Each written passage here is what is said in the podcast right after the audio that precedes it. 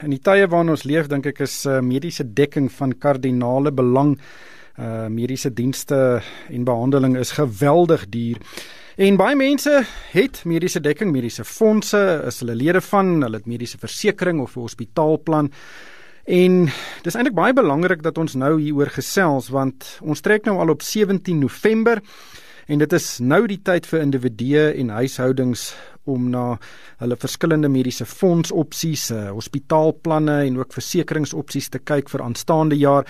Veral as jy 'n lid is van 'n mediese fonds, want jy kan net een keer per jaar van opsie verander en dit is op 1 Januarie. So daar is minder as 6 weke oor om so 'n verandering te oorweeg. Nou ons gaan vandag kyk na hierdie opsies wat lede in ag moet neem om die beste besluite te neem.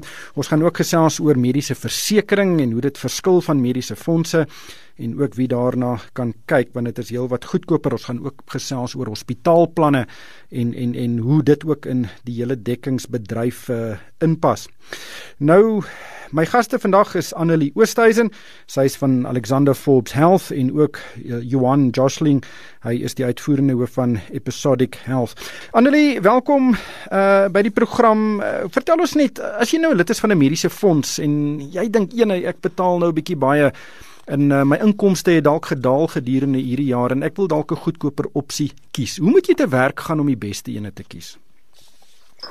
Ryk en luister ja, baie dankie vir die geleentheid en ja, die, jy sê dit reg, dit is nou 'n belangrike tyd in die lewe van enige mediese skema lid.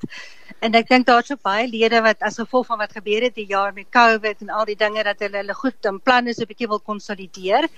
So eerstens sal ek sê gaan praat met 'n konsultant, 'n geakkrediteerde konsultant wat opgelei is om te help en wat ook toegang het tot die inligting as jy nie jou plan verstaan nie. Ja, so die tipiese goed waarna lede kan kyk as hulle hulle planne wil evalueer is wat het hulle regtig nodig?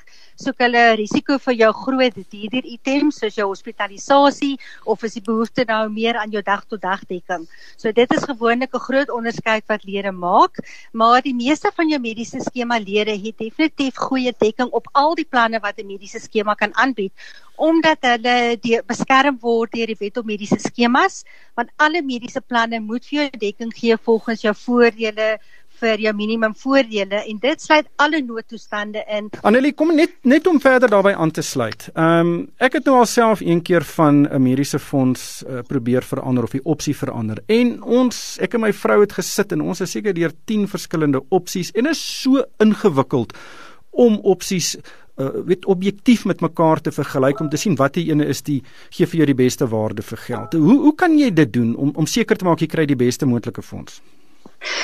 Ja, ek wonder partykeer, jy weet die mediese skemas wat so al hierdie planne aanbied, van sommige planne, jy weet skemas gee tot 23 tot in die 30 verskillende opsies, so dit is definitief dit maak dit moeilik vir lede en weer eens praat met 'n konsultant wat dit vir jou baie makliker kan uiteensit want hulle moet 'n behoefteanalise doen. Hulle moet gaan kyk wat is die behoeftes in daardie spesifieke gesin, mediese behoeftes sowel as wat die finansiële um, vermoëns is in die gesin. En daarvolgens kan die mens dan nou 'n plan kies wat die beste waarde vir geld kan bied in so 'n gesin. Hmm. En dit is ook dan belangrik dat daardie konsultant uitwys Jy weet wat is die goed waarna hulle moet kyk sodat die mense hulle planne um 100% kan gebruik of net die beste kan gebruik daar's altyd opsies en eh, soos ek sê as jy wil vryheid van keuse hê, dan gaan jy duurder betaal.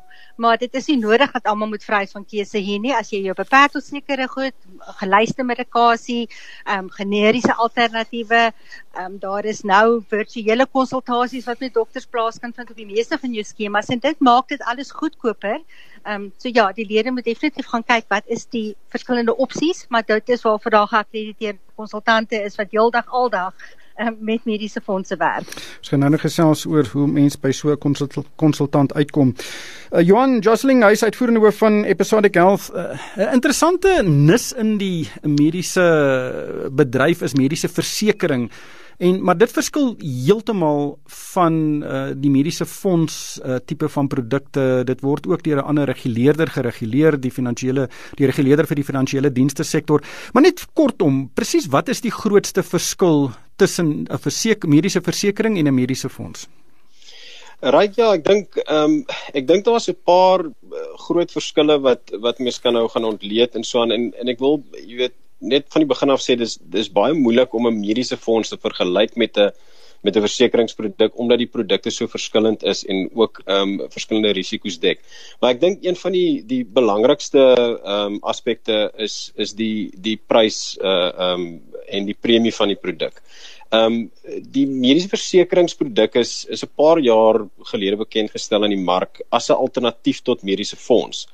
Maar saam met dit kom beperkings. Jy weet so met 'n laer premie, ehm um, gaan jy definitief 'n beperkte uh, uitbetaling kry op sekere voordele waar jou mediese fondse vir jou baie meer omvattende dekking bied.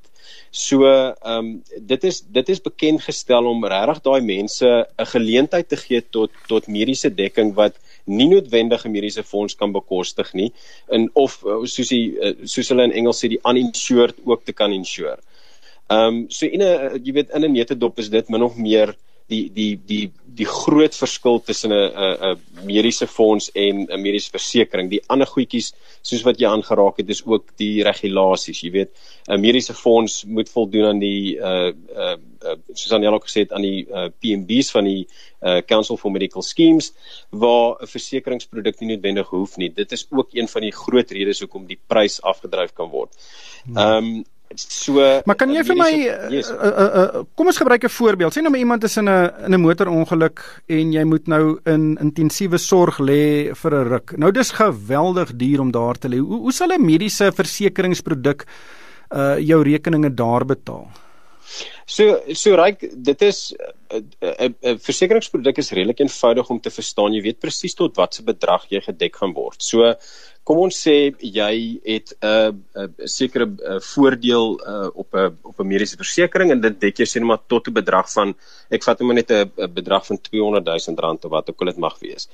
En sodra jy daai limiet bereik, dan het jy as lid of kliënt die keuse om of in te betaal om aan te bly of jy word dan oorgeplaas na staatshospitaal toe. So so solank jy net besef dit is die beperkings waarop jy opteken, dan kan jy volgens dit beplan sou daar jy weet 'n groot uh um jy weet 'n ongeluk of so iets met jou kon gebeur. Ja, maar nou nou sit ek voor 'n uh, 'n persoon wat nou hierdie produk verkoop. Nou sê as jy nou R100 betaal, dan kry jy nou R100 000 se dekking. Nou dit klink nou 'n baie groot bedrag, maar in mediese terme is dit nie. Ehm um, hoe hoe kan iemand nou gaan bepaal hoeveel is genoeg dekking om te hê? Nee, dis 'n dit dit is een van daai baie moeilike vrae wat jy ehm um, wat jy wat jy nou vra. Niemand kan dit bepaal nie.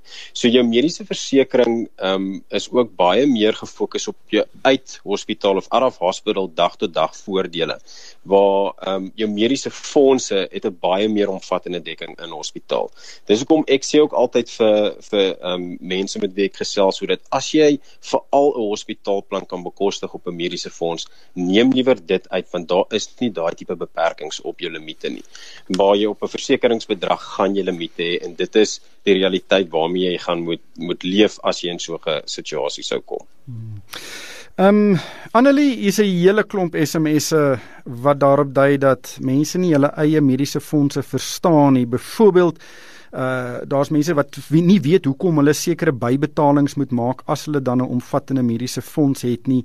Ander mense sê hulle verstaan nie die tariewe wat mediese uh um dokters en en spesialiste en en ander um radioloë vra vir hulle dienste nie want dit strook nie maar met wat met wat die mediese fonds sê hulle voorbetaal nie. Uh, is dit 'n probleem dat baie lede nie mooi verstaan hoe hulle fondse werk nie?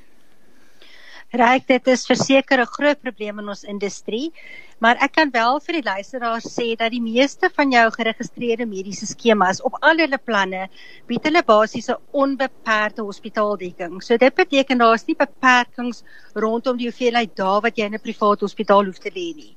Die meeste van hulle is onbeperk. Jou probleem kom in by jou mediese verskaffers of jou chirurg of jou narkotiseer, jou meer gespesialiseerde dokters, want in Suid-Afrika kan hulle vra wat hulle wil. En dit is daarom ook dit is dan ook waarom daar bestaansreg is vir gapingsprodukte om dan nou hierdie tipe bybetalings wat jy kan hê of dan nou die verskaffers wat jou meer sou vra tydens hospitalisasie, jou gapingsdekking produkte maak gewoonlik voorsiening vir voordele daar. Maar ja, die meeste van jou planne, hulle hoef nie bekommerd te wees oor jou kom ons sê maar jou bed en ontbytrekening wat jy kry nie, maar wel jou behandeling wat jy kan kry tydens jou hospitalisasie. Want ehm um, daar is nie beperkings vir dokters rondom die limite of die, die tariewe wat hulle hoef te vra nie. Ja, is 'n is 'n vraag oor gapingsdekking en dit is hoekom kan mediese fondse nie maar gapingsdekking insluit in hulle premies nie? Is dit nie maar net 'n geldmaak skema bo op mediese fondse nie? Dit is twee verskillende wetgewings waarvan ons hier praat. So geregistreerde mediese skema moet geregistreer wees by die Raad van Mediese Skemas. So die regulator is die Raad van Mediese Skemas en dan jou gapingsprodukte is meestal korttermynversekeringsprodukte. So daar is 'n ander ehm um, reguleerde daar en ander reëls is van toepassing. So ja, jou jou premie vir jou gapingsprodukte is natuurlik heel wat goedkoper as dit van 'n mediese skema. Ehm um, en net nou ek net om te verwys, ons het nou nog gepraat van jou voorgeskrewe voorgeskrewe minimum voordele.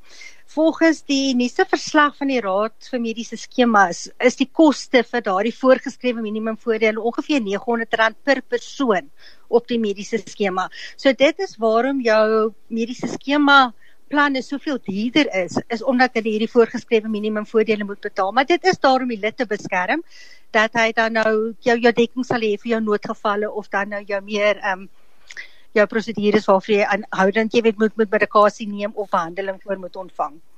Hier's nog 'n vraag oor hospitaalplanne. Ehm um, Erika vra, is dit 'n opsie om van 'n mediese fonds na 'n hospitaalplan en sy sit in hakkies 'n goeie hospitaalplan te skuif en dan nou maar jou brille en pille uh self te betaal?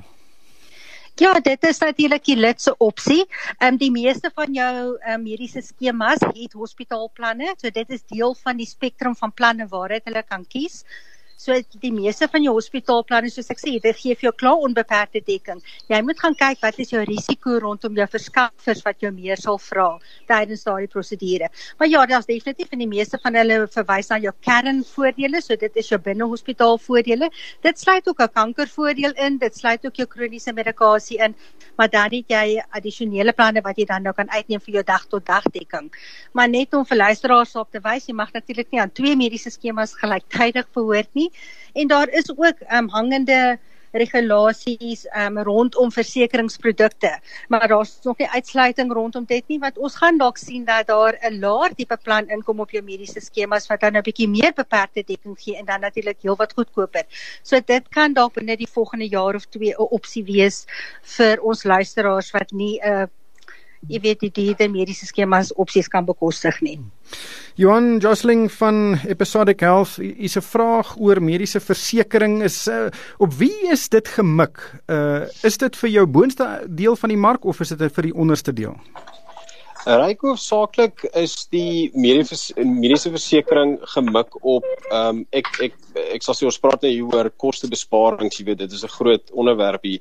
Juist vir mense wat uh, wat 'n bekostigbare alternatief soek wat basiese en ek moet die klem sê op sit op basiese mediese uh, dekking soek. En dan ook natuurlik die uninsured uh ehm um, of die onversekerde uh, populasie in Suid-Afrika. Ehm um, die die dag tot dag kant van dinge kan moontlik 'n uh, uh, aantrekking wees vir uh, of aanloklik wees vir uh, jou jou hoër mark um, wat wat juis met 'n uh, hospitaalplan wil gaan op 'n mediese fonds en dalk wil kyk na 'n dag tot dag plan um, in 'n versekerings so, um, soort van 'n produk. Ehm um, so dit is min of meer die mark waarna jy kyk. Maar 'n versekeringsproduk vir die uh, versekeraar wat dit nou vir kliënte gee of uh, aanbied in die mark Dit is 'n produk waarop jy probeer wins maak terwyl as jy 'n mediese fonds het dan die mediese fonds probeer maar net sy rekeninge betaal dit probeer gelykbreek. Uh, daar is nie 'n winsbejag nie. Uh, is dit reg? Ehm um, ja en nee. Ek dink dis 'n dis 'n dis 'n soort soos hulle sê 'n trick question want die die mediese fondse mag nie wins maak nie, maar die mediese administreerders hulle maak die wins. So as jy gaan kyk na wat ehm um, die administreerders agter die mediese fonds vra, dit is waar die winste lê. Waar ja, jy's 100% reg uit 'n versekeringssodanigheid uit maak die versekering die wins op die produk. Wel ongelukkig het die tyd ons ingehaal. Ek wil net weer om verskoning vra vir die probleme wat ons met die lyne gehad het. Daar was iewers 'n lelike knoop in die lyn, maar hooplik ek is bly ons kon naderhand die laaste deel van die gesprek afhandel. Maar ek dink die kernboodskap is uh as jy lid is van 'n mediese fonds en jy wil dalk van fonds of fonds opsie verander, is dit nou die tyd om dit te doen. Daar is 'n hele klomp uh kenners en uh konsultante wat kyk na mediese fondse en ek dink dit is dalk 'n goeie idee om een van hulle te sien. Ek dink daar is 'n lys op die, op die webblad van die Raad op Mediese Skemas uh, beskikbaar daarvoor. Maar daarvoor daarmee moet ons groet. Dankie aan An Annelie Oosthuizen van Alexander Forbes Health en ook Johan Josling van Episodic Health. Dankie vir julle bydrae. Stuur vir my asseblief 'n e-pos na ryk@moneyweb.co.za. En daarmee moet ons groet van my ryk van die kerk. Dankie vir die saamluister.